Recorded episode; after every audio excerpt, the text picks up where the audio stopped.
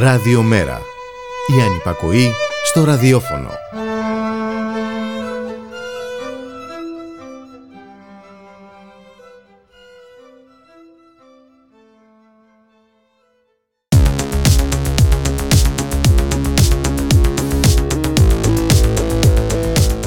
σας άλλο ένα παρλαφούσι ξεκινάει σήμερα με την Πάολα Ρεβενιώτη στον ήχο η Χαρά Στόκα και στην αρχισυνταξία ο Τάκης Κουρκουρίκης.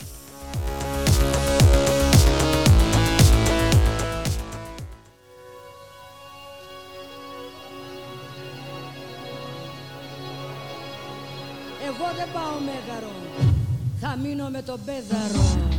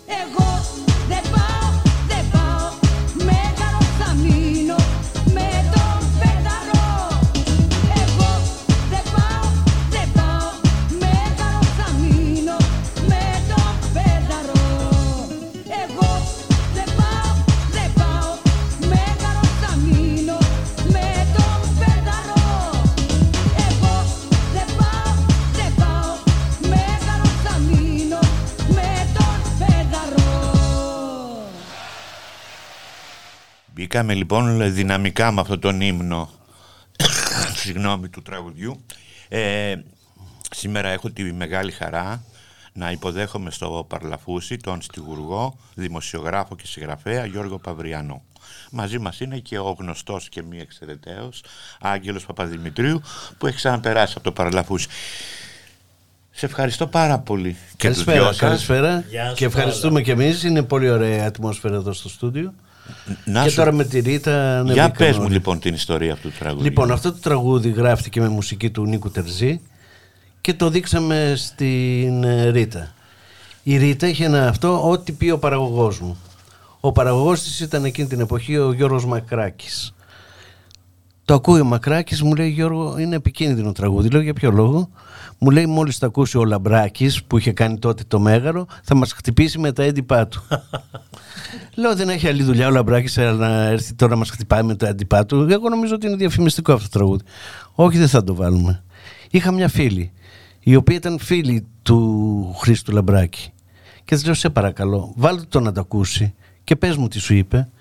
Ο Λαμπράκης το άκουσε και είπε όχι μόνο δεν θα σας χτυπήσω με τα έντυπά μου αλλά σας παρακαλώ να το βγάλετε αυτό το τραγούδι το θεωρώ μεγάλη διαφήμιση για το Μέγαρο. Και είχε και χιούμορ ο άνθρωπος. Ε βέβαια είχε χιούμορ. Η Ρίτα ήταν ένδοτη. Αφού δεν το ήθελε ο παραγωγός της δεν το έλεγε.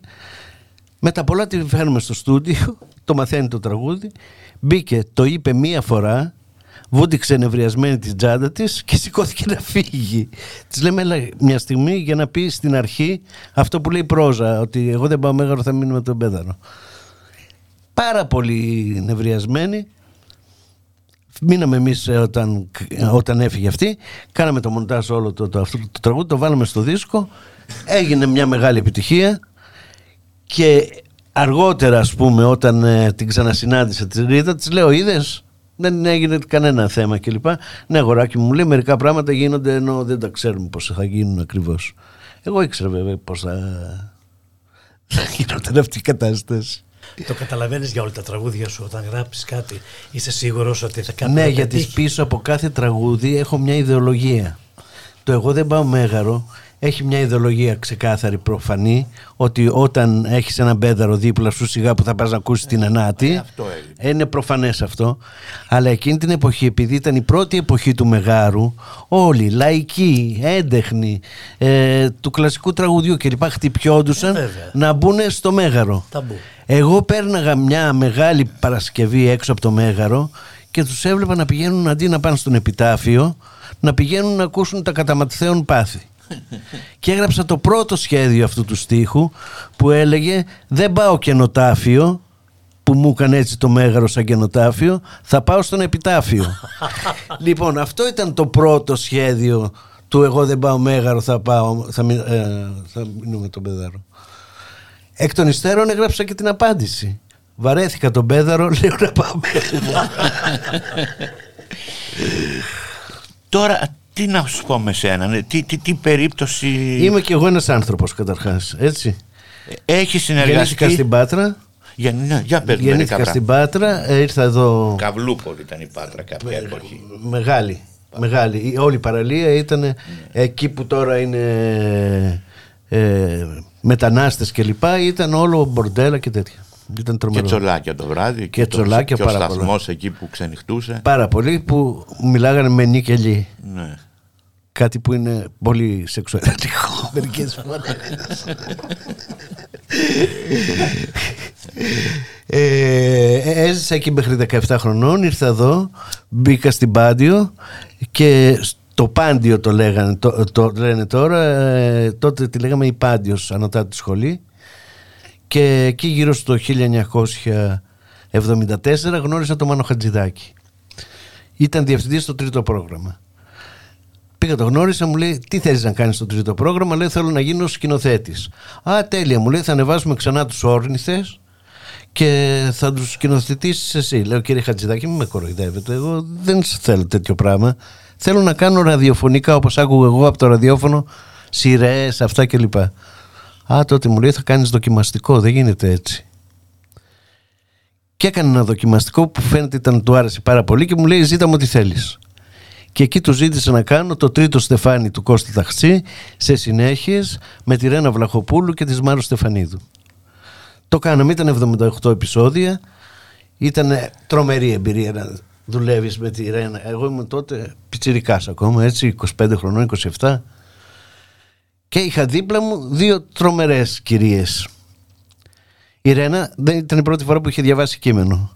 Της λέω να κοιτάμε το κείμενο, μου λέει: Εγώ αυτό σχεδιάζω πάντα στα κείμενα. Μου λέει: Δεν μπορώ να το διαβάζω αυτό το πράγμα. Αλλά η Σμάρου ερχόταν πάρα πολύ διαβασμένη. Πες όμως ότι ήταν η πρώτη επιλογή η Βασιλιάδου. Η πρώτη επιλογή για την ΕΚΑΒ ήταν η Βασιλιάδου, ήταν αλήθεια. Ήταν, Δεν τα με- κατάφερε λόγω και ηλικίας. ήταν μεγάλη, ναι, δηλαδή κάναμε ένα δοκιμαστικό Και όταν, όταν ήρθε για το δοκιμαστικό, μου λέει: Με χτίσανε, αγόρι μου, με χτίσανε. 7 πουλόβερ μου έχουν φορέσει. Λέω: Γιατί, κυρία Γεωργία, μου λέει: Τράκαρα ένα ταξί που ήμουνα μέσα και για να φανταστείς τι ισχυρό τρακάρισμα ήταν, είχα ένα ρολόι τείχου το οποίο από το τρακάρισμα έγινε ρολόι χειρός. με τον άλλον, ε, πώς τα έβγαλες πέρα με τον ταξί; Δύσκολα. Δύσκολα. Δύσκολα. Δεν Ενώ είναι- στην αρχή με δέχτηκε με χαρά κλπ. Όταν φτάσαμε στη διανομή, ήταν πάρα πολύ αυτό. Γιώργο, δεν τη θέλω αυτή. Αυτές τις υπηρέτριες των ελληνικών ταινιών. και τι θα, θα, το έργο μου, το έργο μου, το έργο μου. Συνέχεια το καταλαβαίνω τώρα πια που είμαι και εγώ μεγάλος και καταλαβαίνω τι είναι να έχεις κάνει ένα έργο και, μια τέτοια, και ένα τέτοιο βιβλίο. Έτσι, ένα πολύ σημαντικό βιβλίο. Ε, αλλά είμαι ακόμα και τώρα σίγουρος ότι η επιλογή ήταν πολύ σωστή. Δηλαδή ότι η διανομή ήταν καλή. Η πρώτη μου εκδοχή ήταν η Μελίνα και η Δέσπο Διαμαντίδου. Εί- Είχαν τσακωθεί η Μελίνα με τη Λένα Βλαχοπούλου; Όχι, με, τον με τον Χατζηδάκη. Με το Χατζηδάκη. Γιατί του, μου λέει ποιοι θα παίξουν και λέω η Μελίνα και η Δέσπο Διαμαντίδου. Μου λέει έχω τσακωθεί με τη Μελίνα, μη με μπλέκεις. Λέω όχι μάνα μου δεν θα σε μπλέξω καθόλου. Παίρνω τηλέφωνο τη Μελίνα. Γεια σας, σας παίρνω εκ μέρους του Μάνου Χατζηδάκη. Σιγά που δεν θα τον έμπλεκα. Γιατί- Ο οποίος θέλει πολύ να κάνετε την Νίνα στο τρίτο στεφάνι. Η Μελίνα τότε μου λέει είναι υπέροχο αυτό και λοιπά, το θέλω να το κάνω, αλλά τώρα δεν, ε, κάτι τέλος πάντων με την ΕΡΤ είχε θέματα. Δεν μπορώ. Π- Περίμενε να το κάνουμε κάποια στιγμή αργότερα. 27 χρονών δεν περιμένεις όμως, δεν υπάρχει περίπτωση τέτοια. Βγήκα έξω από το σπίτι της Μελίνας, άρχισα να κατεβαίνω την ε, Πανεπιστημίου, το θυμάμαι σαν τώρα, και βλέπω μια μεγάλη αφίσια, αφίσα έξω από το Ρεξ που είχε το, τη, τη Ρένα Βλαχοπούλου. Και λέω αυτή θα είναι η Νίνα. Μια τελείως διαφορετική εκδοχή, αλλά αυτή ήταν. Και ήταν ε, ιδανική δηλαδή. Ήταν μια δυναμική γυναίκα, είχε κάνει τρεις γάμους όπως και η Νίνα στον τρίτο Στεφάνι. Είχε πολλά κοινά. Είχε ζήσει στην κατοχή και όλα αυτά που περιγράφει μέσα στο βιβλίο. Για μένα ήταν ιδανική. Ε, θα έπρεπε λίγο να διαβάζει παραπάνω. Δεν μπορώ να τα έχουμε όλα. Για το Χατζηδάκη, για πες μου, πώς τον, που τον εγνώρισες, το Χατζηδά- χαρακτήρα του ο τον Χατζηδάκης άνθρωπο; το γνώρισα στο Μαγεμένο Αυλό, φυσικά που πήγαινε κάθε βράδυ. Ήταν ένας άνθρωπος αμφιθυμικός, δηλαδή ήταν πολλές φορές στις καλές του, πολλές φορές ήταν και στις μαύρες του. Ε, είχε ένα πολύ μεγάλο καλό, σε ενθάρρυνε πολύ. Και μάλιστα σου βάζε και ψηλότερο πύχη από όσο μπορούσες να πηδήξεις. Δηλαδή θυμάμαι αυτό που σας είπα ότι μου είπε ότι θα σκηνοθετήσω εγώ τους όρνηθες από την αρχή ήταν κάτι το οποίο μου το είπε περισσότερο για να μου δείξει ότι εδώ τα standards είναι πολύ υψηλά δηλαδή δεν θα έλουμε κάτι κατώτερο ε, πέρα από αυτό ε, ήταν ε, ένα όνομα που μας άνοιγε όλες τις πόρτες λέγαμε Χατζηδάκης και ό,τι θέλαμε γινότανε λέγανε ναι θα το κάνω για το Μάνο Και πώς φερ- του φερθήκαν με την, αυρια, με την αυριανή το αυτό ήταν ένα πράγμα το οποίο Άσχημη εποχή εκείνη. Ε, Και τον Αριστίδη το δίκαιο τον εξορίσανε. Επειδή ήταν δίκαιος. Είναι ελληνικό φαινόμενο αυτό. Να ακούσουμε άλλο ένα τραγούδι. Να ακούσουμε ένα τραγούδι. Απαγγείλω το ποίημα του Γεωργίου Παυριανού «Ομοφιλόφιλε απολογήσου». Ομοφιλόφιλε απολογήσου.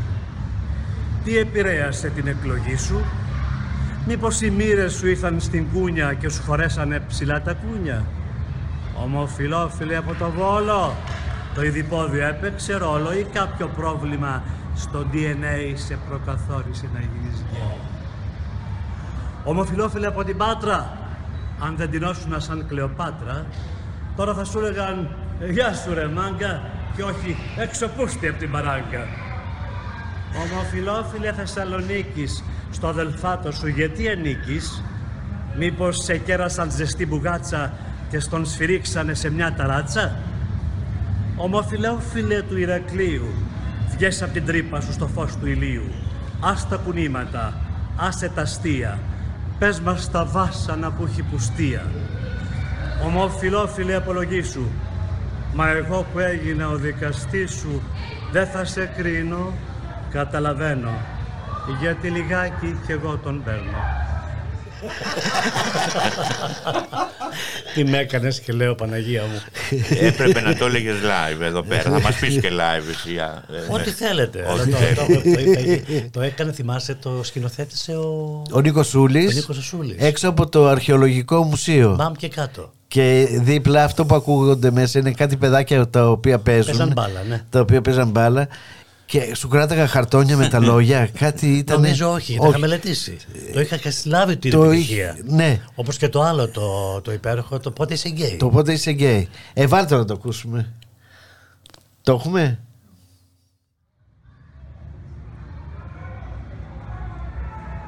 Θα σας απαγγείλω το ποίημα του Γεωργίου Παυριανού «Πότε είσαι γκέι».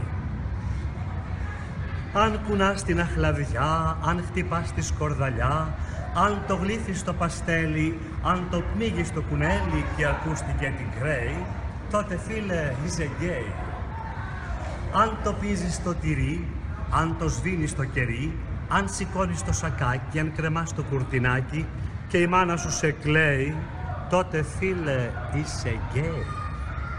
Αν απλώνεις τραχανά, αν γουστάρεις τα ξινά, αν μαζεύεις το σαπούνι, αν το βάζεις στο τακούνι και σου αρέσουν και οι αρχαίοι, τότε φίλε είσαι γκέι.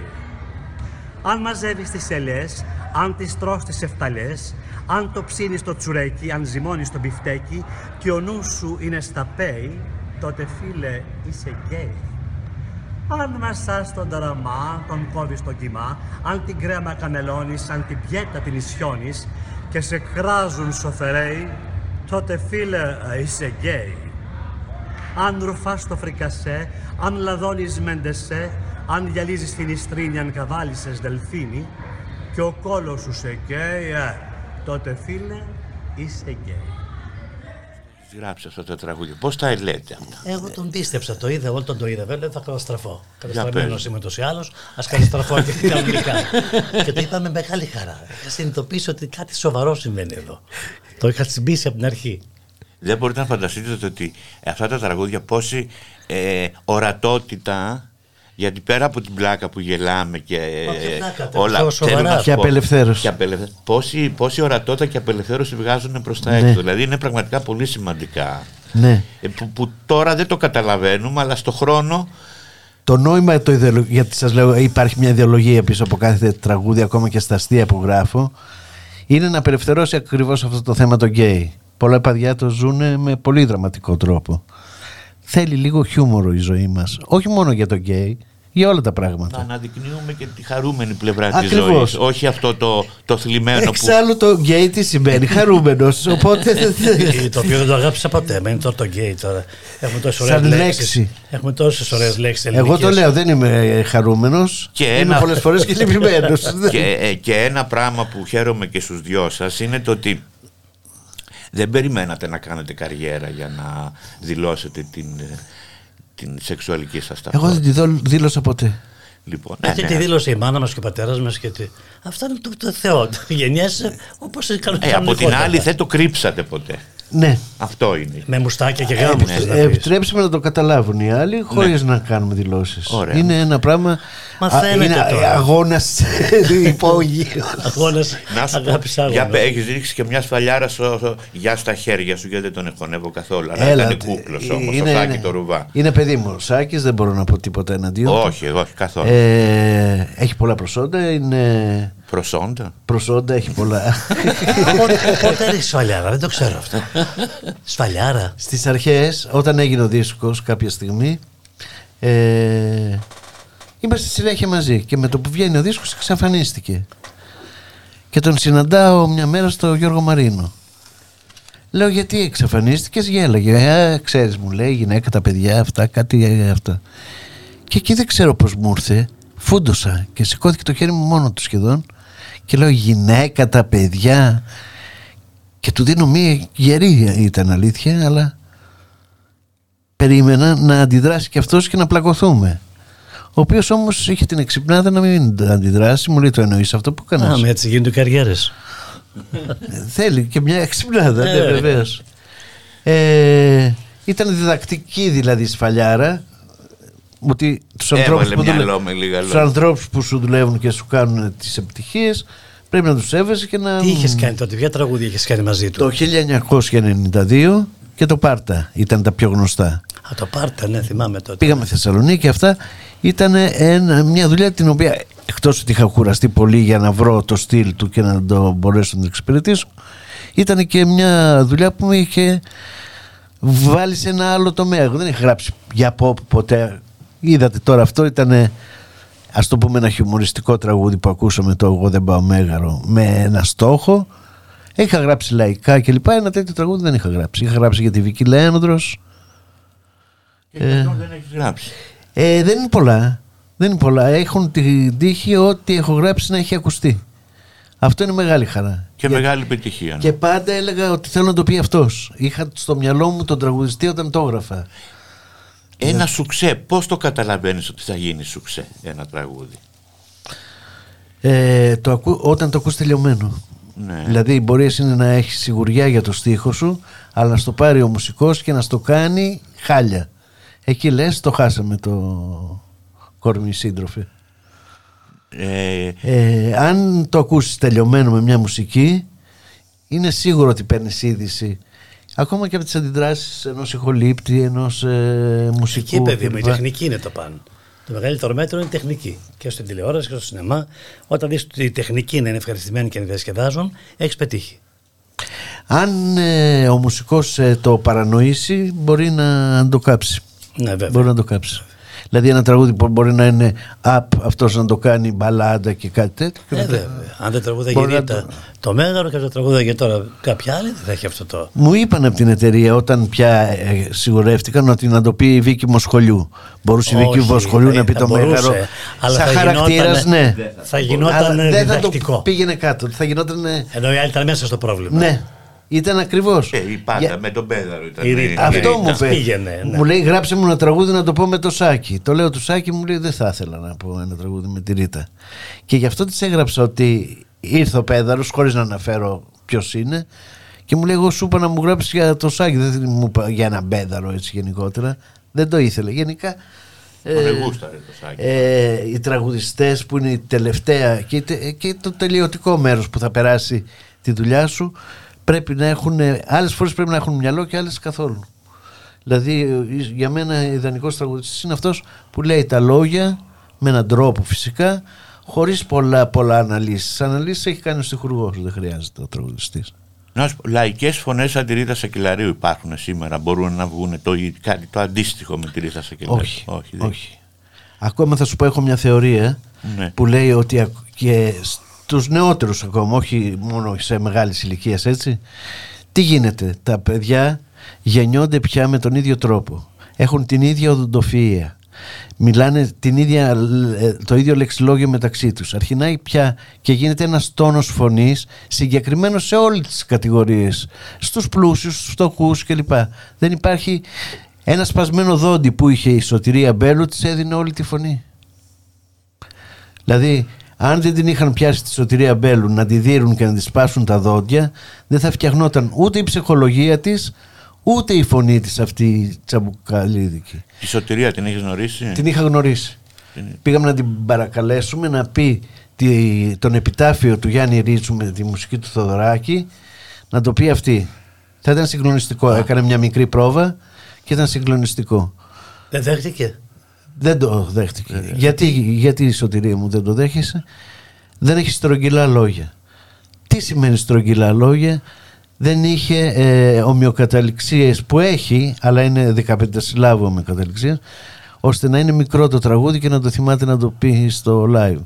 Λέμε καλά, άμα είναι να το πεις στο live θα σου βάλουμε χαρτιά κάτι να το διαβάζεις. Όχι, όχι, δεν θέλω, δεν θέλω, ευχαριστώ πολύ. Και λέμε καλά, πες μας έστω ένα τραγούδι και είπε το γέμο σπλάχνω το σπλάχνω μου έτσι live. Και ενώ τραγούδα για το τραγούδι ήταν κάτι περιστέρια εκεί μπροστά μας. Και ενώ τραγούδαγε πιάνει ένα περιστέρι το στραμπουλάει, το στραγγαλίζει και αρχινάει και το ξεποπουλιάζει Αυτή είναι η σωτηρία Μπέλ. και μας λέει μείνετε θα φάμε πιτσούνι σήμερα μας ημερίζει και είχε μια κοπέλα τη Σταυρούλα που της λέει πήγαινε να το κάνεις σαλμή Εγώ δεν ήξερα τι είναι καν το σαλμί. Να εξηγήσουμε στο κροτός μας, σαλμί είναι κοκκινιστό με σκόρδο. Ε, Άγγελε Ναι, που ναι, μαγειρεύεις ακριβώς. και καταπληκτικά. Ναι, ναι, ναι, ναι. Εγώ να σου πω για τη σωτηρία, όταν την είχα πρωτογνωρίσει ήμουν πολύ μικρό και θα ήμουν 18, τότε πρωτό βγαίναμε, ξέρεις, εκεί στη Συγκρού και τέτοια. Και υπήρχαν κάτι μπαρμπουτάδικα ανάμεσα στην Καλυθέα και θυμάμαι τότε είχα ένα γκόμενο Κώστα, κάπως έτσι τον θυμάμαι, ο οποίος μου έλεγε έλα μετά τις 4, αυτός φύλαγε τσίλια στην μπαρμπουτιέρα. έλα μετά τις 4 μου λέει και πηγαίναμε, δεν ξέρω αν το θυμόσαστε, στη φωλιά, στις τζιφιές και τρώγαμε, δεν ξέρω αν το θυμάσαι. Και ε, Πήγαινα εγώ πιο νωρίς εκεί, κοιτούσα που παίζανε μπαρμπούτ, εγώ δεν έπαιζα τέτοια πράγματα. Για μια στιγμή λέει, φωνάζει ένας σεβασμός, έρχεται ο Σωτηράκης. Και εκεί με κοίταζε καλά-καλά η σωτηρία και μου λέγε, Έλα εδώ, κάτσε δίπλα μου. Και όποτε έρχεται τα ζάρια, μου τσίμπαγε το κολαράκι και μου δίνει ένα πεντακοσάρικο. ένα πεντακοσάρικο, ε, ένα πεντακοσάρικο, Πολλά- ήταν λεφτά πολλά εκείνη την λεφτά. Α, εποχή. κέρδιζε, τη έφερε σγούρι δηλαδή. Ναι, ναι, και με- Ό,τι έκανε τη Αφόλου Ταράστη την Στη Βλαχοπούλου. Ρέντα. Εντάξει, όταν είσαι μικρούλικο δεν τα εκτιμάς. Ναι, αλλά λέει- Αυτούς τους ανθρώπους Αλλά ήταν προσωπικότητα τρομερή φυσικά. Τα μάτια της, τα μάτια της. Ήταν σαν, σαν θλιμμένο σκυλί. Την είχα δει πρώτη στα γεράματα. Και είπε, είμαστε είμαστε με ένα φίλο μου και λένε, Ελάτε, να- μόνο αυτά τα δύο παιδιά. Πήγαμε να τη δούμε. Ήταν, είχε κάτι θλιμμένα μάτια. Ήταν το- πολύ κοντή. Μικρόσωμη πολύ. Μικρόσωμη, σαν την πιάφ. Και τα ματάκια της τόσο θλίψη. Σαν του, τους σκύλου η θλίψη. Αξέχαστη. Μας είπε εκείνη την φορά που τη συνάντησα τρομερά πράγματα που πέρασες στι φυλακές, το αυτό ότι δεν είχαν να φάνε, κουβέρτες, κοιμόντουσαν κάτω στο πάτωμα κλπ. Είχε περάσει μια πολύ σκληρή ζωή και φεύγοντας από το σπίτι της, επίσης τη δέρνανε πάρα πολύ στο σπίτι. Είχε αυτό ίσως είχε μια κακή κουβέντα για όλους. Είπε και ο Σαββόπουλος αυτός σε, ό- για όλους. Σωστό είναι αυτό είχε που μια λες. κακή κουβέντα. Ναι, μα ναι, και αυτός ναι, και αυτός, ναι, μα και ναι, αυτός ναι. και αυτός. Ούτε ένα. Όλη η κοινωνία την είχε Και χτυπήσει. τους τραγουδιστέ και τους είχε ένα κακό λόγο. Εκτός από την Μερινέλα. Ένα περίεργο πράγμα. Το μόνο άνθρωπο που εκτιμούσε ήταν η Μερινέλα. Τώρα γιατί; Για τις ψηλές νότες. Συ- συγκλονιστική, συγκλονιστικός άνθρωπος. Συγκλονιστικός. Συγκλονιστικός. Δηλαδή, αυτό που λέμε ότι ό,τι έλεγε το είχε βιώσει, δεν συμβαίνει εύκολα στους τραγουδιστές. Οι τραγουδιστές πολλά λένε, ερωτευμένοι, αυτά κλπ. κλπ. Η Μπέλου, ό,τι έλεγε, το είχε ζήσει πάνω στη- στο πετσί της. Ήταν κάτι τελείως διαφορετικό. Και γι' αυτό ήταν πολύ δυνατά τα άχτιστα αυτά κλπ. Ήταν τρομερός άνθρωπος. Τώρα τον Μπαρμπούτη της διαμόρφωσε ένα άλλο αυτό ότι κάποια μέρα, ενώ ήταν κομμουνίστρια όπως ξέρουμε, ότι κάποια μέρα θα γυρίσει ο τροχός και θα γυρίσει η τύχη. Δεν Και θα, γίνεται. και θα γίνει πάμπλουτη Και δηλαδή. θα γίνει Παύλουτη. Θα μπορούσε να έχει γίνει. όμως. θα μπορούσε βέβαια. να είχε γίνει και μόνο να Το, το ανέχανε. εστίαβεσαι. Μου έλεγε ότι ένας μεγάλος της θαυμαστής Τις αυρώσεις, τις αυρώσεις δεν το ήταν, τι λες. Ε, βέβαια. ήταν ο Κρίστοφερ ε, Λί Βέβαια. που έπαιζε τον Δράκουλα. Είχε πάρα πολλές φωτογραφίες του Κρίστοφερ Λί. Όλη τη σειρά είχε ο Κρίστοφερ Λί και Ήρθες την στην έπαιζε. Ελλάδα και ζήτησαν να τη δει. Στο Ναι. ξενοδοχείο Grand Και Bretagne. είχες στη, του σωτηρία with love αυτά κλπ. Ο Κρίστοφερ Ο Κρίστο Δράκουλας. ναι, ναι, ναι. Ο Δράκουλας ήταν ο μεγαλύτερος θαυμαστής της σωτηρίας Μέλου. Έχεις συνεργαστεί και με τον Μαρίνο, έτσι; Με το Μαρίνο ήταν η πρώτη μου συνεργασία. Έτσι ξεκίνησα το στυλ. Ήταν εύκολος συνεργάτης ο Μαρίνος. ο Θάνος Αλεξανδρής μου είπε ότι. Ε, εντάξει, δεν ήταν και τόσο Θα σου πω την εμπειρία μου. Ναι, για Είμαι παιδάκι 25. Είναι η πρώτη μου δουλειά στο στίχο. Δηλαδή είναι ένα τραγούδι του Lou Reed που λέγεται Walk on the Wild Side και το θέλει να το κάνει στα ελληνικά. Και μέσω ενός φίλου μας συναντιόμαστε με τον Μαρίνο, μου το εξηγεί το τραγούδι, το παίρνω, το γράφω και επειδή το κατάλαβα ότι ήταν λίγο βρώμικο, λέω είναι κύριος ο Μαρίνος, θέλω να το κάνω πιο κυριλέ το τραγούδι. Το έφτιαξα το πάω, τον βλέπω, γουρλώνει τα μάτια, μου λέει τι είναι αυτό που μου φέρεις παιδί μου, λέω τι είναι; Μου λέει ξέρεις τι του κάνω εγώ τέτοιους στίχους. Λέω τι; Και πιάνει το κο- χειρόγραφο και το σκίζει μπροστά στα μάτια. Χράς, χράς, χράς. Να αυτό τους κάνω. Ήθελα να ανοίξει, γίναμε καταπιεί. Λέει ένα τραγούδι τόσο σκοτεινό και αυτό το έκανες σαν να είναι τσιγκολελέτα; Κατάλαβα το λάθος. Ευτυχώς εκείνη τη στιγμή μέσα σε ο Δανίκας, ο Νίκος Δανίκας που ήταν ο μουσικός του, ο, δε- ο μαέστρος του, λέει πήγαινε τώρα Γιώργο, ξαναδοκίμασε το γιατί ο Γιώργος σήμερα έχει τα νεύρα του. Κατάλαβα το έπρεπε, ήθελε ένα σκοτεινό τραγούδι. Και έκατσα και το έκανα πιο βαρύ με... είχε και ιδιωματισμούς μέσα στο τραγούδι, με δυσκόλεψε αρκετά. Το έχουμε το τραγούδι να το ακούσουμε. Το τραγούδι λοιπόν αυτό δεν το έχουμε με το Μαρίνο, αλλά το έχουμε με το Θανάση Αλευρά, γιατί όταν κάποια στιγμή χρειάστηκα να το έχω όταν έκανε ένα αφιέρωμα στο Μαρίνο, τον θεώρησε ότι ήταν ο πιο ιδανικός να το πει αυτό το τραγούδι και το έχουμε με το Θανάση Αλευρά. Θανάσης Αλευράς, «Ει μωρό μου» λέγεται το τραγούδι. Ε, η κραυγή του τρόμου, συγγνώμη. Ε, το οποίο όταν το είδε ενθουσιάστηκε ο Μαρίνος μου λέει αγόρι μου αυτό είναι αυτό ήθελα πήγαινε μου είχε πει ας πούμε ότι θα σου δώσω 40.000 πήγαινε να πάρεις 80.000 για το Α, αυτό ήταν κουβαρντάς μπράβο τουλάχιστον. ναι σε αυτά Δεν το ήταν- έχουμε με το Μαρίνο. Δεν το με το έχουμε. Μαρίνο δυστυχώς δεν το έχουμε Άκουσα. ναι, ναι. Γιατί ο Μαρίνος ήταν λίγο ακατάστατος στα αρχεία και λοιπά δεν κράταγε. Κράταγε κασέτες ο Νίκος Δανίκας, Ο Δανίκας, ο οποίος έχει αυτή τη στιγμή όλα τα προγράμματα της Μέδουσας και τις ηχογραφήσεις αλλά και όταν ζούσε ακόμα μου Αυτό έλεγε λέω και έλα εγώ. να το δεις Ε, Λέω Νίκο μου, τα έχεις κάπως μια χρονιά, ότι είναι κατά χρονιά και λοιπά. Όχι, μου λέει είναι όλα φίρδι μίγδιν. Απλώς πρέπει να βρεθεί κάποιος να ψάξει. Ίσως θα πρέπει αυτό το αρχείο κάπως να γίνει μια εκμετάλλευσή του. Είναι πολύ σπουδαίο αρχείο. Δηλαδή είναι όλη η δουλειά του Δανίκα που έχει κάνει στη Μέδουσα και ίσως και αλλού. Δεν ξέρω. Είναι καλύτερα να, Να ακούσουμε ένα τραγούδι. να, να, να ακούσουμε ένα τραγούδι και να το ακούσουμε αν το έχεις με το Θανάση Αλευρά.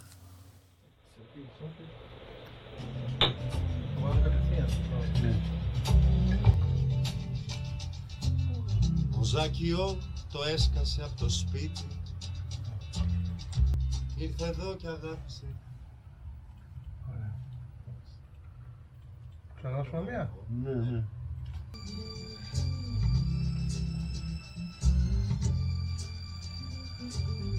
Ο Ηλίας θέλει να πετάξει. Είναι γέρος από το 16 Ωραίο. Πολύ. Ε, Δεν είναι χτυπητό το 16 όχι ε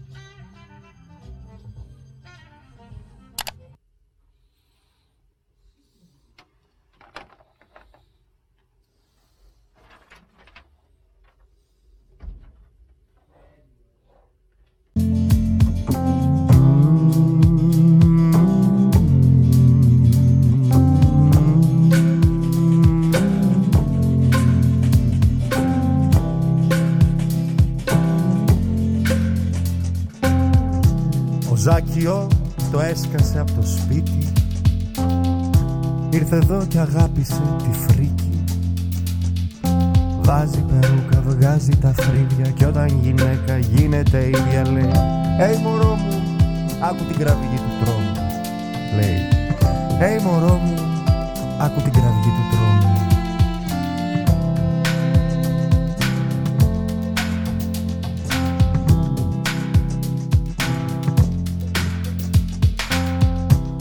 κανείς ψωνίσει τον Αντρέα. Ακριβά πληρώνει την παρέα. Λεφτά από εδώ, λεφτά από εκεί. Ξέρει αυτός την τεχνική λέει. Ει μωρό μου, άκου την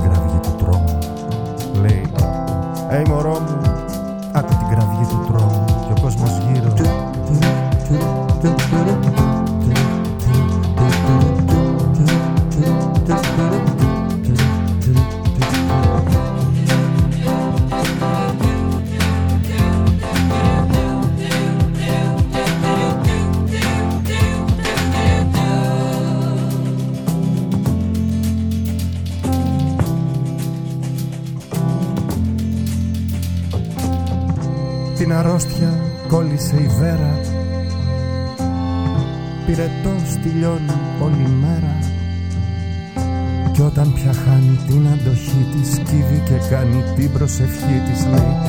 Ει μωρό μου, άκου την κραυγή του τρόμου Λέει.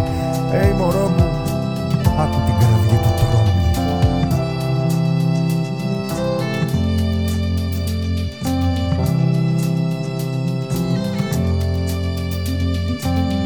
Ο Ηλίας θέλει να πετάξει. Είναι γέρος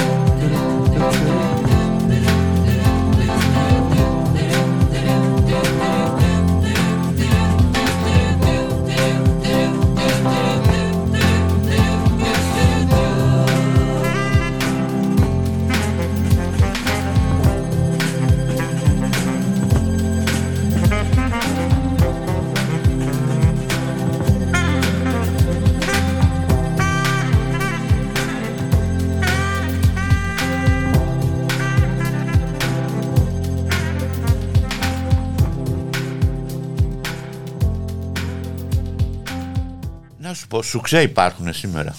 Γίνονται σουξέ. Σουξέ υπάρχουν, ναι. Είναι αυτά τα οποία ακούμε τη Δευτέρα και την Παρασκευή έχουν τελειώσει την κατηγορία τους. Τι δεν έχουν; Μπορεί να έχει μια λέξη, κάτι που το κάνει σουξέ έτσι μέσα περίεργη. Είχαμε ένα σουξέ τώρα τελευταία με την Άννα Βύση, το οποίο είχε μέσα η Άννα τα κάνει πουτάνα, πώς το είδε αυτό το κλιπ. Αυτό είναι ένα πράγμα να τραβήξεις το θέμα του ακροατή. Σημασία έχει για μένα πάντα, εγώ δεν μπορώ να δω ένα τραγούδι χωρίς να καταλάβω ότι από πίσω έχει λίγο πάθος, λίγο ε, ιδεολογία, κάτι τέλος πάντων Και κάβλα. που να, και, και κάβλα ακόμα, Και ναι, κάβλα, γιατί ναι. ξέρεις τι γίνεται. Ε, υπάρχει και αυτό τον τελευταίο καιρό έχουμε γίνει πολύ προτεστάντες και στο τραγούδι υπάρχει από πίσω το μη του, το μην ε, μαγγίζεις, μην το κάνεις, μην το ένα, μην το άλλο που σημαίνει ότι σχεδόν γίνεται μια λογοκρισία η οποία δεν χρειάζεται καν στο τραγούδι. Το τραγούδι, η λογοκρισία είναι μόνο το κοινό, ότι δεν το ακούει. Αυτό είναι η μόνη λογοκρισία που μπορεί να κάνει κανείς. Τι δεν σου αρέσει από τη σημερινή εποχή τώρα που ζούμε; Ότι τα ξέρουμε όλα. Αυτή η ξερολίαση δεν μου αρέσει καθόλου. Παλιά υπήρχε μια γνώση η οποία ήταν ε, συγκεκριμένη, παραδοσιακή ίσως, αλλά συγκεκριμένη, ενώ τώρα από τους σεισμούς μέχρι τα σεξουαλικά υπάρχουν ε, χιλιάδες γνώσεις, απόψεις κλπ. Το facebook το έχει τονίσει πολύ αυτό, δηλαδή κάποιος που δεν θα μίλαγε παλιά τώρα ξαφνικά έχει ένα βήμα και μιλάει. Αυτά τα ψόφα και πέθανε είναι θλιβερά. Και πολύ επιθετικότητα, δηλαδή στο Twitter. ε, Πολύ Το επιθετικότητα πολύ τοξικότητα. ότι ε, όλοι είναι λύθοι εκτός από μένα. Που γράφω θέλω να πω, αυτό είναι μια ε, άποψη. Τι άλλο Άγγελε, Τίποτα. Εγώ έφυγα τα, τους τελευταίους τέσσερις μήνες να γλιτώσω από αυτό το πράγμα. Ήταν αφόρητο. Ε, ήταν πολύ κουραστικό, Παόλα μου. Δηλαδή, ε, θες δεν θες, τα δεις και αυτά. Είναι το- τοξικά πρωί-πρωί να βλέπεις τον κάθε ένα που ουρλιάζει, που έχει δίκιο, που κάθε πρωί, κάθε τα ίδια και είναι δέκα άτομα. Και το τρομακτικό ποιο είναι ο κανιβαλισμός το ότι μπορεί να έχεις κάνει χιλιάδες πράγματα που αυτά που έχεις κάνει να έχουν βοηθηθεί Ε, βέβαια. και άλλοι Ναι, και ναι, να ναι. βρούνε μία αφορμή ναι. Και να σε Και εξαφανίσουν. όλο, όλο, όλο, όλο. Όλη σου την ιστορία. Αυτό είναι, έχω τρομάξει. Αυτό είναι μεσαίωνας δηλαδή. Σέωνα στη φωτιά. Δηλαδή, ε, όπως δεν διαφέρουμε σε τίποτε, μόνο που τώρα ο μεσαίωνας είναι... Όπως καταλαβαίνετε διάφορες κα, κακές δυνάμεις μελετάνε όλο αυτό το φαινόμενο και πάνω σε αυτό προσαρμόζουν την πολιτική τους το, Βέβαια. μέχρι και το τι νερό θα πιούμε έτσι ε, πρέπει να είμαστε πολύ προσεκτικοί σε αυτό το πράγμα έχει χαθεί η γνώση ε, που μεταβιβαζόταν από γενιά σε γενιά έχει χαθεί η γνώση του τι είναι ένα καλό ψωμί ή ένα καλό λάδι βρες ένα παιδί τώρα να σου πει τι είναι ένα καλό λάδι ούτε δεν ξέ, πού να ξέρει, πού να ξέρει. Ούτε μια λάμπα να αλλάξει δεν μπορεί. Θέλω να πω ότι παλιά, λόγω φτώχειας, οι άνθρωποι μαθαίναν πολλά πράγματα να τα κάνουν τσάκα-τσάκα και μόνοι τους.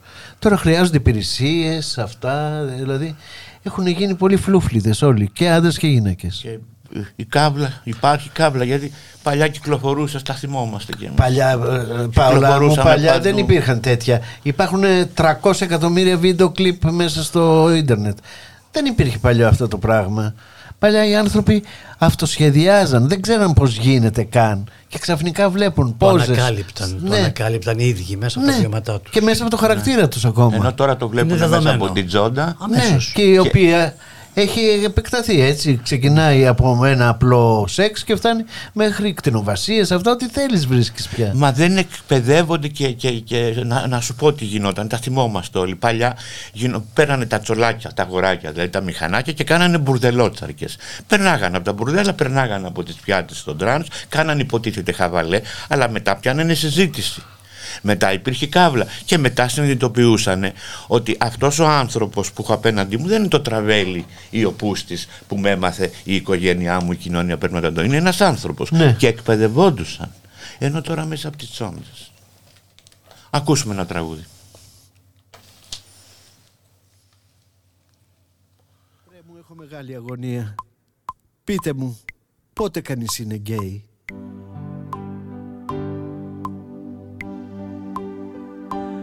Αν κουνάς την αχλαδιά, αν χτυπάς τη σκορδαλιά, αν το γλύφεις το παστέλι, αν το πνίγεις το κουνέλι και ακούς την Γκέτι Γκράι,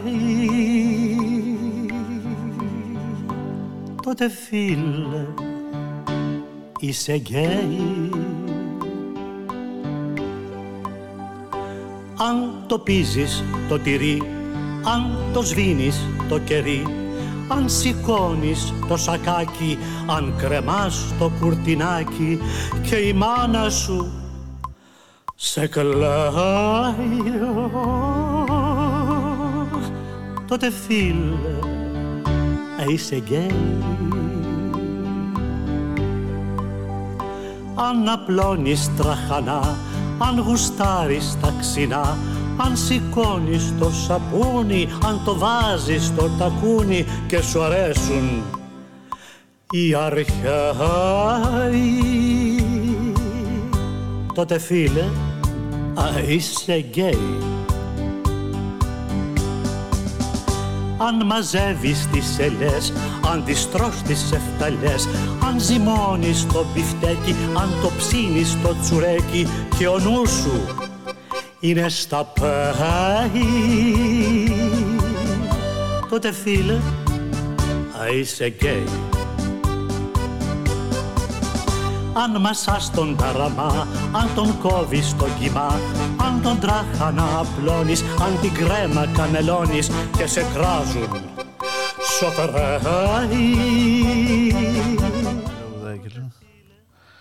Είτε- Είναι ο Άγγελος Παπαδημητρίου που τραγουδάει φυσικά. Άγγελε θα μας πεις και ένα τραγούδι. σε, μουσική του, σε μουσική του Ανδρέα Απόψε είναι Λάμπρου. Προς τιμή σου, ε, προς τιμή σου είναι η εκπομπή. Λοιπόν, μες εσένα Ναι, σου αλλά είμαστε. τα credits Εγώ πρέπει είμαι να τα βοη- λέμε. Βοηθητικός της Πάολα, εδώ. γιατί Ωραία. Κοιτάω τα, τα κείμενα. Λοιπόν, τραγουδάει ο Άγγελος Παπαδημητρίου και μουσική έκανε ο Ανδρέας Λάμπρου. Έχει και ένα υπέροχο βίντεο κλιπ, αν ε, μπείτε μέσα θα το Ναι. Είχαμε βρείτε. κέφι και κάναμε πράγματα. Αλλά εδώ είμαστε μαζεμένοι να κάνουμε ραδιόφωνο και Να σου πω πριν σου μου πεις την ιστορία σου με τον Κωνσταντίνο, ναι, τον ε, έκτοτο, θα μου πεις λίγο για το βιβλίο σου. Ζωντανός στο Ζώναρς. λοιπόν, αυτό το βιβλίο ε, Κυκλοφορεί τώρα, έτσι; κυκλοφορεί τώρα από τις εκδόσεις Οδός Πανός. Ε, δεν έχει, έχει καιρό που έχει βγει, έχει βγει νομίζω το 15 ή το 16. Αλλά τώρα αρχινάει σιγά σιγά, και όπως όλα τα βιβλία, έχουν μια διαδικασία που πάνε σιγά σιγά, δεν είναι- τα ανακαλύπτεις και τα παίρνεις. Έχει μια αυτή γιατί τα τονώνω γιατί με πολλές ιστορίες έχω κάνει και podcast για την Athens Voice. Ε, είναι ιστορίες στην ουσία περισσότερο με ανθρώπους που έχω γνωρίσει στη ζωή μου, της τέχνης και του πολιτισμού περισσότερο και δεν το έκανα για να κάνω ένα, να πω μερικά ονόματα ότι είχα γνωρίσει αυτόν την Μελίνα, τον Χατζηδάκη κλπ. Η προσπάθειά μου είναι σαν να είναι ένα εκπαιδευτικό πρόγραμμα τέλος πάντων να εξηγήσω πώς αυτές οι προσωπικότητες ήταν σε μια καθημερινή στιγμή. Είχα πολλές ιστορίες σε- από διάφορες στιγμές και όταν ξεκίνησα να το γράφω έχει μια δυσκολία ότι έχει, λο- πρέπει να έχει λογοτεχνικούς νόμους πια. Δεν είναι να πεις δύο ιστορίες μονάχα. Πρέπει να τις φέρεις και να τις κάνεις με λογοτεχνικό τρόπο. Πιστεύω ότι σε αρκετό βαθμό το κατόρθωσα. Είναι μικρές ιστορίες. Μπορείς να τις διαβάσεις άνετα και να πηγαίνεις την άλλη, την άλλη μέρα ας πούμε. Είναι ιδανικό βιβλίο για διακοπές. Αρκεί νωρίς ακόμα να το λέω. Ε, τι άλλο. Ε, προσπάθησα να αποστασιοποιηθώ από τα πρόσωπα και από το γεγονός και να είμαι σαν ένας τρίτος που με περιγράφει και εμένα και το άνθρωπο που συζητάμε. Ε, τώρα με το Βασιλιά, το Κωνσταντίνο και τον λέω με το Βασιλιά όταν έχεις έναν τίτλο και είσαι αγρότης ας πούμε σε λένε ο αγρότης. Δεν νομίζω ότι μπορεί να στον πάρει κανένας. Αλλά τέλος πάντων αυτά είναι πολιτικά ζητήματα. Ο άνθρωπος πέθανε Είχα γνωριστεί. Είχα, είχε έρθει μια επίσκεψη στην Πάτρα όταν είχε παντρευτεί μαζί με την Άννα Μαρία προφανώς για να της δείξει την πρίκα της τι είναι το βασιλειό της και πηγαίναν στην Ολυμπία να δουν και τα γάλματα και τα αυτά και όλα και εγώ έπρεπε ως καλύτερος μαθητής της τάξης να κρατάω τη σημαία από εκεί που θα πέρναγε ο βασιλιάς επειδή ο πατέρας μου ήταν κομμουνιστής δεν μου το επιτρέψαν μου είπαν θα είσαι παραστάτης δίπλα σε αυτόν που θα κρατάει τη σημαία. Και λέω εγώ από μέσα μου δεν είσαι καλά που δεν θα χαιρετήσω εγώ τον βασιλιά. Ήταν τότε πολύ σπουδαίο πράγμα. Και σκέφτηκα ένα πείμα που μόλις έφτασε στο μάξι του και πάρκαρε μπροστά μας για να χαιρετήσει τη σημαία. Βγήκα και του το είπα. Βγήκε με χαιρέτησε με χειραψία κανονικά και πήγα και στην Άννα Μαρία η οποία μου τσίμπησε, μου τσίμπησε το μάγουλο και μου είπε μπράβο καλό παιδί και τέτοια ερήμην των δασκάλων. Δηλαδή, παράκουσε τους δασκάλους, το έκανες από Ναι, από μόνος μου, όχι μόνο αυτό, αλλά και αυτός που κράταγε τη σημαία, μου λέει: Κράτα τη σημαία για λίγο, για να πάω και εγώ να χαιρετήσω τον Κωνσταντίνο. Και του λέω: Τι λες, αγάπη μου, τώρα ο Κωνσταντίνος χαιρέτησε εμένα, δεν χρειάζεται να χαιρετήσεις και πήρε την αγγλικιά μου εκδίκηση. Τι κατάλαβα από αυτή την ιστορία, κατάλαβα λίγο το χαρακτήρα μου. Ήμουν ένα παιδί αποκλεισμένο στην Πάτρα, σε μια γειτονιά όπου ζούσαν μόνο πρόσφυγες και μιλάγανε όλο για τα παλιά και τους πόνους. Οι περισσότεροι είχαν χάσει ανθρώπους και τέτοια. Και κανονικά, κατά τη γνώμη τους, θα έπρεπε να γίνω κι εγώ ένας τέτοιος. Να λέω από τον πόνο μου κλπ. Δεν το ήθελα αυτό το πράγμα. Ήθελα να ξεφύγω. Και το πρώτο πράγμα να ξεφύγεις είναι να βγάλεις από μέσα σου ό,τι οι άλλοι σου λένε ότι πρέπει να κάνεις. Να αρχίσεις να κάνεις τις δικές σου αντιδράσεις. Λοιπόν ήταν η πρώτη μου αντίδραση στο να ζήσω μια ζωή που θέλαν οι άλλοι και όχι αυτή που ήθελα εγώ. Ήθελα να χαιρετήσω τον βασιλιά, θα τον χαιρετούσα, ασχέτως πολιτικών. Δεν έφαγες ξύλο μετά; Ο πατέρας μου έσπασε όλο το σπίτι. Αυτό είναι. Πέταξε μια, μακαρο... πέταξε μια μακαρονάδα στο ταβάνι, η οποία για ένα περίεργο λόγο κόλλησε αυτή η μακαρονάδα στο ταβάνι και άρχισε να ξεκολλάει αργά-αργά και έμεινε για πάντα. Όταν κοιτάγαμε, έγινε, έγινε μούχλα και όποτε κοιτάγαμε στο ταβάνι, θυμόμαστε αυτό το περιστατικό. Και με το δίκιο του, γιατί εκείνη την εποχή ήταν αριστερή στα Άκου όμως πώς είναι η ζωή. Μετά ένα χρόνο που εγώ χαιρέτησα τον Βασιλιά Κωνσταντίνο, γίνεται η Χούντα. Και ο πατέρας μου ως κομμουνιστής τον ετοιμάζουν να τον συλλάβουν. Και είχαμε έναν αστυνομικό δίπλα γείτονά μας που του λέμε βοήθα είναι τα πράγματα δύσκολα, μην πάει εξορία. Και λέει δεν κινδυνεύει να πάει εξορία γιατί ο διοικητής μου που, που μου έδωσε τον κατάλογο να του συλλάβω όποιοι είναι κομμουνιστές μου είπε άστον αυτόν γιατί ο γιος του είπε πείμα στο βασιλιά και τον χαιρέτησε ήταν βασιλόφρον. κοίτα τώρα πως τα φέρνει η ζωή. Και ναι. κατά κάποιο τρόπο ο Κωνσταντίνος μέσω εμού έσωσε τον πατέρα μου από το να έχουμε μια δυστυχία τώρα, να έχει πεθάνει, να έχει πάθει κάτι κλπ. Τι ωραίο. Πρόγραμμα. Άλλοι όμως δεν είχαν αυτή την τύχη. Άλλοι δεν είχαν αυτή την τύχη. Πιστοί στις ιδέες τους, ίσως. Ναι. Ο πατέρας μου όντως ήταν πιστός στις ιδέες του μέχρι τέλους. Εγώ ήθελα να αλλάξω όλο αυτό το πράγμα. Γιατί, Γιατί καταλάβαινα ότι ήταν ένα φορε... μια φορετή συνταγή για όλα εμάς τα φτωχά παιδιά. Και δεν είχα ε, στόχο να πλουτίσω είχα στόχο να αλλάξω τη ζωή μου. Δηλαδή να φύγω από αυτό το γούπατο που ήταν μια γειτονιά κλειστή. Και αυτή τη μιζέρια, Και την αυτή τη μιζέρια, καθημερινότητα. αυτό το τον πράγμα. άς εργάτης, να Όλο διεκδικεί. αυτό το πράγμα και να είσαι και περήφανος για όλο αυτό. Όχι, φίλε. Το μου. να είσαι αριστερός δεν σημαίνει ότι πρέπει να είσαι ίσος με τη μιζέρια. Όχι, η καλύτερη αριστερή είναι η πλούσιοι. Είμαστε αριστεροί Εδώ θέλει ένα γιατί ωραίο τραγούδι τώρα. Εδώ θέλει ένα υπέροχο τραγούδι. θέλουμε να έχουμε για, για- να περνάμε καλά στη ζωή μας, να έχουμε τα βασικά, να έχουμε υγεία, να έχουμε φράγκο. αξιοπρέπεια. Αυτά να έχουμε- είναι, αυτά είναι. Γι' αυτό είμαστε αριστεροί. Αυτά είναι. Όλα τα άλλα είναι μαντρί. Ας ακούσουμε ένα τραγούδι. Ας ακούσουμε.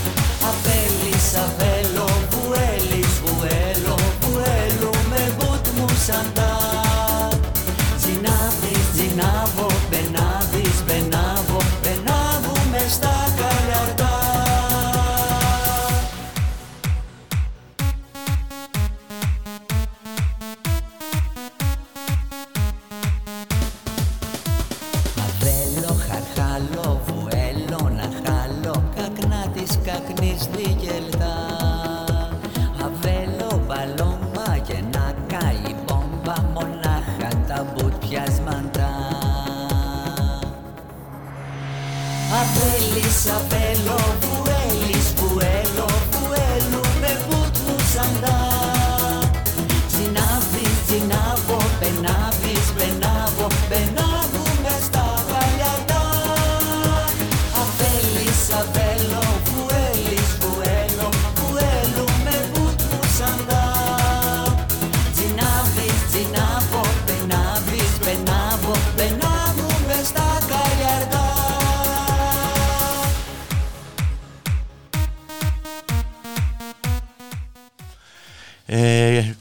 χρησιμοποίησες τη λέξη γούπατο που την ε, έλεγε η Μαλβίνα. Ναι. Για πες μου για τη Ναι, Μαλβίνα. Ναι, έχεις δίκιο, την έλεγε. Ναι. Ε, πριν να πούμε ότι ήταν η Μπέτη Βακαλίδου στο τραγούδι ε, Καλιαρντοσούρες Είναι το μοναδικό τραγούδι που υπάρχει στην ελληνική δισκογραφία Στα που είναι Καλιαρντά. όλο στα Καλιαρντά. Με κούρασε πάρα πολύ, ίσως περισσότερο από πολλά άλλα τραγούδια. Ε, γιατί έπαιρνα και ομοιοκαταληξίες στις Καλιαρδές ομοιοκαταληξίες. Γενικά είναι ένα Καλιαρντό τραγούδι. Για συνεχίστε κύριε Λοιπόν, Μάρτης. η, η Μαλβίνα όντως είχε ένα προύσιο λεξιλόγιο καταρχάς, γιατί ήταν όντως και του λιμανιού και του σαλονιού, της αρέσαν διάφορες περιπτώσεις. Είχε βέβαια ένα πατροναλισμό στις αδελφές και στους γκέι, ε, ο οποίος μερικές φορές με ενοχλούσε ε, σε μένα τουλάχιστον. Μια φορά βγήκαμε να φάμε, αφού κάναμε μια περιοδία, πήγαμε σε μια συνέντευξη. Αυτό μου λέει: Τώρα θα σε πάω σε ένα μπαρ που είναι και ένας κούκλος. Όντως ήταν ένας κούκλος και ενώ μας σερβίρει, γυρνάει και του λέει: ε, Σου αρέσει ο φίλος μου, θέλετε να βγείτε μαζί; Και γίνομαι Τούρκος Δηλαδή, αν κάτι συχαίνομαι στις ερωτικές ας πούμε ιστορίες είναι να έρχεται ο ενδιάμεσος και να κάνει τον ταλαβέρι. Λέω, τι, τι, τι ήταν αυτό που κάνεις; Λέω τι θέλεις τώρα να, να μου κανονίσεις ας πούμε να, να βρεθώ και να με αυτόν εσύ; Δεν ξέρεις τι σου γίνεται. Καλά, βρε αγάπη μου, λέει πήγα να σε διευκολύνω. Όχι, λέει, μου δυσκολεύει τη ζωή όταν το κάνεις αυτό. Εκτός από αυτό το περιστατικό, το οποίο όντως με θύμωσε πάρα πολύ, ε, με τη Μαλβίνα έχουμε περάσει πολύ ωραίες ιστορίες. Γιατί τη ετοίμαζα και μια σειρά τραγούδια που είχαν μείνει και ήθελα να τα πει η Ρίτα. Είχε πεθάνει η Ρίτα στο μεταξύ και της τα έδειξα.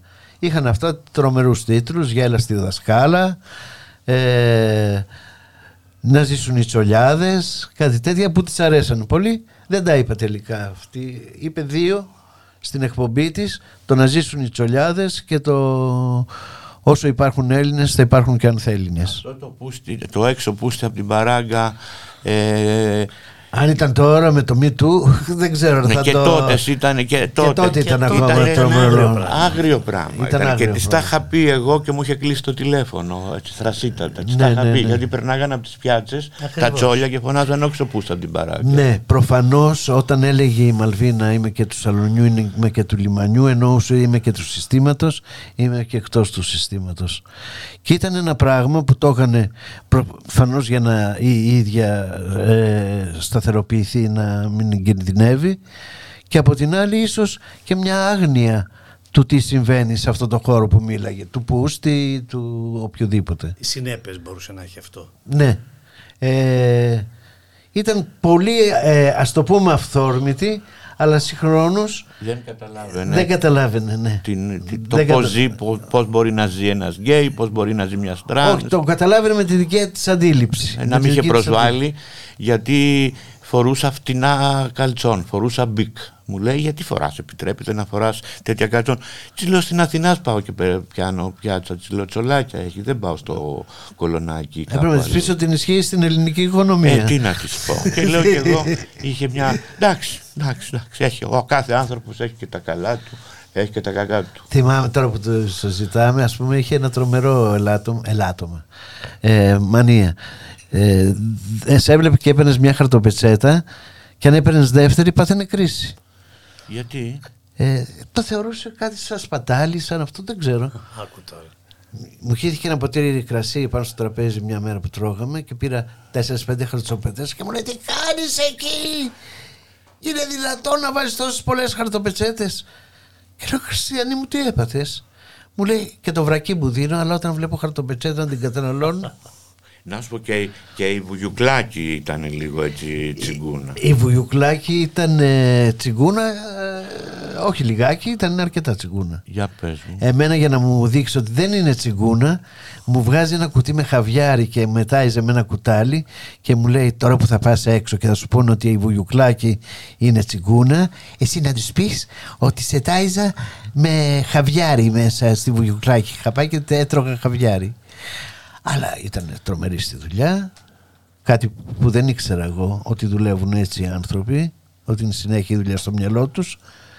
Με είχε βάλει να της γράψω ένα τραγούδι και δεν της το έδινα. Και κάποια στιγμή με κλείδωσε στο στούντιο μέσα. Ε, μου βάλε μπροστά ένα μπουκάλι ουίσκι και μου λέει εδώ μόνο αν είναι να κατουρίσεις θα ειδοποιήσεις αν δεν βγάλεις το τραγούδι δεν θα σε αφήσω να βγεις και βλέπω, βλέποντας ε, γύρω τις φωτογραφίες τις τα βραβεία κλπ βγήκε το τραγούδι και ήταν ο άντρας της ζωής μου είμαι εγώ Α, πολύ, πολύ το οποίο είχε, το έλεγε στην παράσταση Βίκτορ Βικτόρια και το οποίο είχαμε συμφωνήσει να με, να με πληρώσει 50.000 το τραγούδι. Αλλά εμείς με το Βλάση καθόμαστε, πίναμε βότκες αυτό, καθυστερούσα να της το γράψω και όταν πήγα να πληρωθώ μου δίνει 40 το τραγούδι. Λέω, Κράτησε «Αλέκη, το χαβιάρι. Κρα- ναι. Δεν μου λες Εντάξει, «Ρε Γιώργο εντάξει μου, είναι». α, ε, ε, Εκ των υστέρων όλη αυτός, όλος αυτός ο κόπος άξιζε τον κόπο Ε, φυσικά άξιζε. Άξιζε. Φυσικά. για τις Δηλαδή, ίδιες. ε, δεν, δεν λιγόστεψαν τη ζωή τους. Δεν λιγόστεψαν την, ε, την αξία της ζωής τους. Ή όχι. τα όχι, έδωσαν όχι, όλα στον όχι, κόσμο. όχι. Η Αλίκη όσο και αν φαινόταν ότι ήταν πολύ ισχυρή ήταν ε, και στην κόψη του ξηραφιού ανά πάσα στιγμή.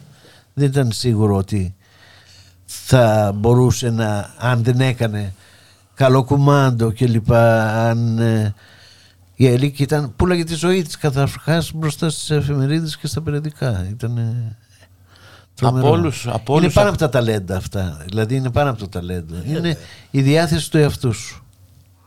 από όλους αυτούς που έχεις γνωρίσει, ποιος σου έτσι ε, ένιωσες ότι είναι πολύ αξιόλογος σαν άνθρωπος; Ο Μάνος Χατζηδάκης. ο Μάνος Χατζηδάκης. Ο Μάνος Χατζηδάκης είναι, θε- μου έδωσε το ντοκτορά, μου έδωσε το πτυχίο μου.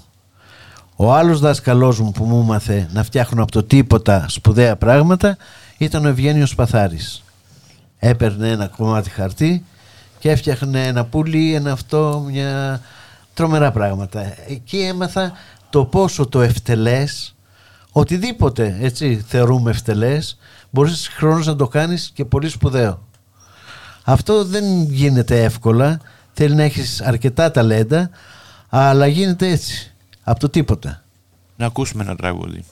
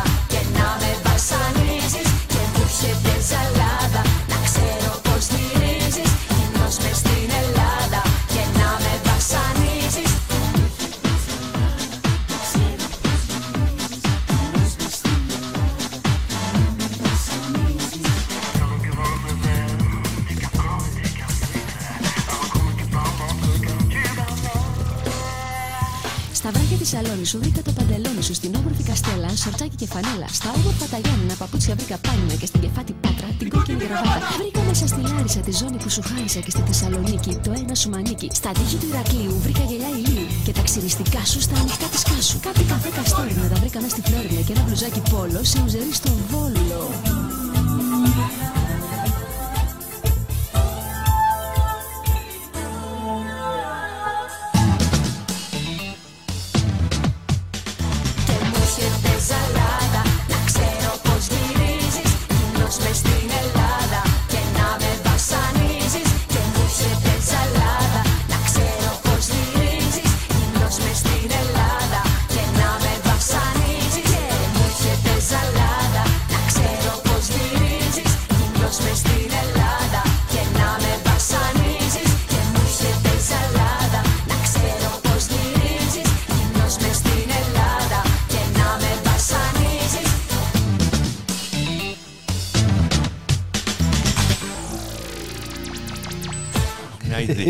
Ιδε- Έχεις μια ιδιαίτερη συμπάθεια από ό,τι γνωρίζω στην Εφη Σαρή. Με βλέπεις γελάω, μόνο που την ακούω κάθε φορά γελάω. Για και- πες μου. Η Εφη είναι ένα κορίτσι που μεγάλος ορφανό, ό,τι έχει κάνει το έχει κάνει μόνη της. Ε, εντάξει δεν τη λες μεγάλη τραγουδίστρια, τη λες ιδιαίτερη όμως τραγουδίστρια.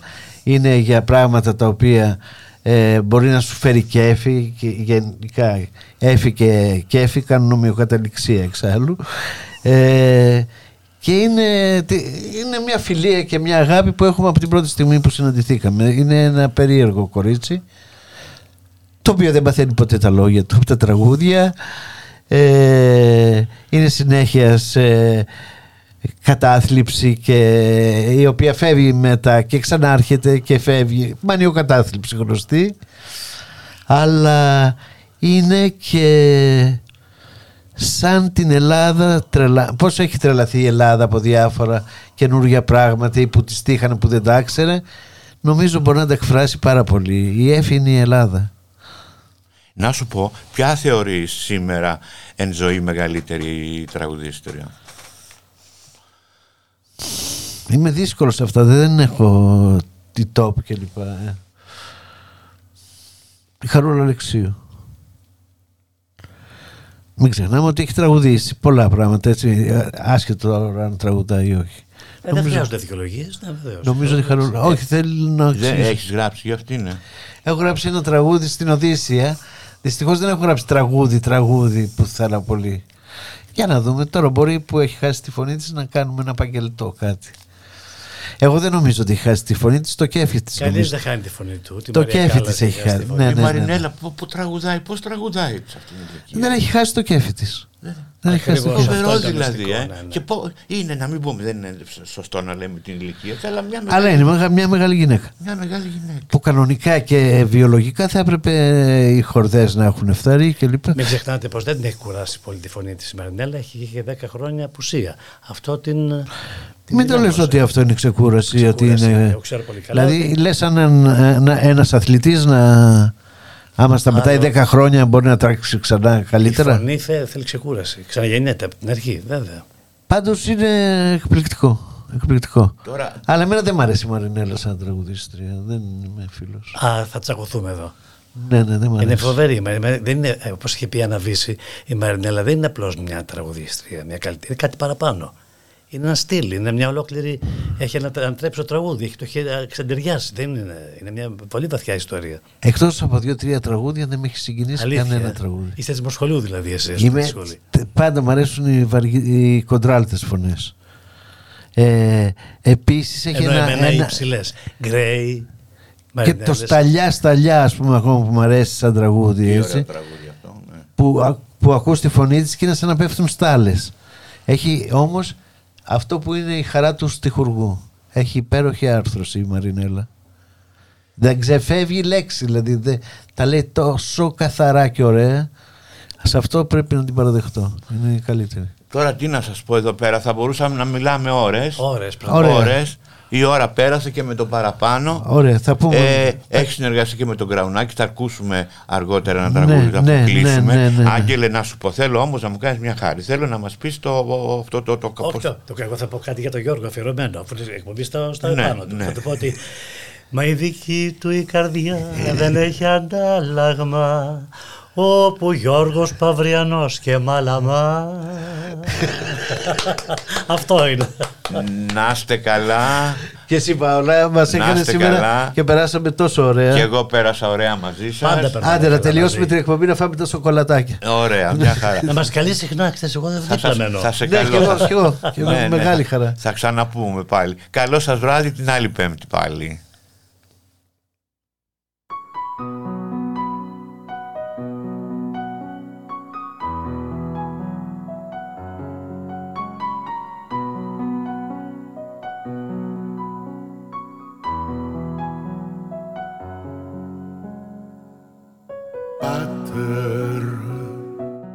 Λοιπόν, κάναμε ένα λάθος. Θα βάλουμε ένα άλλο τραγούδι του Κραουνάκη που έχω γράψει εγώ τους ε, στίχους. Λέγεται μόνο άντρε. Και Για την εποχή του πολύ πρωτοποριακό. πάρα πολύ. Γιατί ήταν τότε μόνο η ΕΡΤ και δεν μπορούσε να μεταδοθεί καν. Δεν τελειώνει αυτή η εκπομπή, ναι. Ας το ακούσουμε αυτό το τραγούδι.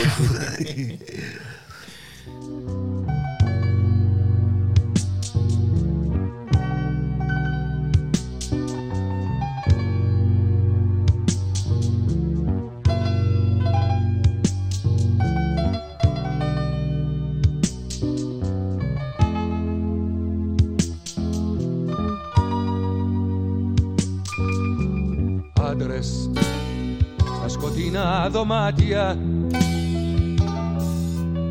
Σβήνουν το φως, κλείνουν τα μάτια άντρες με χέρια που ειδωρώνουν σπιρταναμένα που κυκλώνουν άντρες που ονειρεύονται γυμνοί. Και κλιπαρούνε τη σιωπή σου μόνο άντρες. Γδίσου Άντρες που παλεύουν σαν μωρά που πυροβολούν στον αέρα. Άντρες που τρελαίνονται τη μέρα που φοβούνται το σκοτάδι. Άντρες που παλεύουν σαν μωρά που πυροβολούν στον αέρα. Άντρες που τρελαίνονται τη μέρα που φοβούνται το σκοτάδι. Άντρες μόνοι που παραμιλάνε. Άντρες που αγαπάνε μόνο άντρες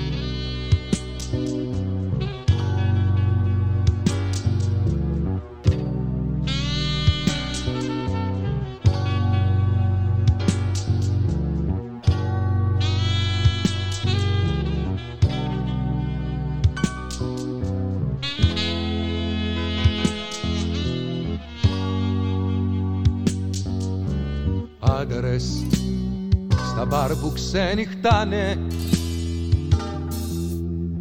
Καμένα μάτια που κοιτάνε άντρες. Μες στους καπνούς χαμένοι. Κάποιος στο δρόμο περιμένει άντρες. Που αυτοκτονούν με μηχάνες Και κομματιάζουν τη σιώπη σου. Μόνο άντρες. Ντίσου Άντρες που παλεύουν σαν μωρά που πυροβολούν στον αέρα. Άντρες που τρελαίνονται τη μέρα που φοβούνται το σκοτάδι. Άντρες που παλεύουν σαν μωρά που πυροβολούν στον αέρα. Άντρες που τρελαίνονται τη μέρα που φοβούνται το σκοτάδι. Άντρες μόνοι που παραμιλάνε. Άντρες που αγαπάνε μόνο άντρες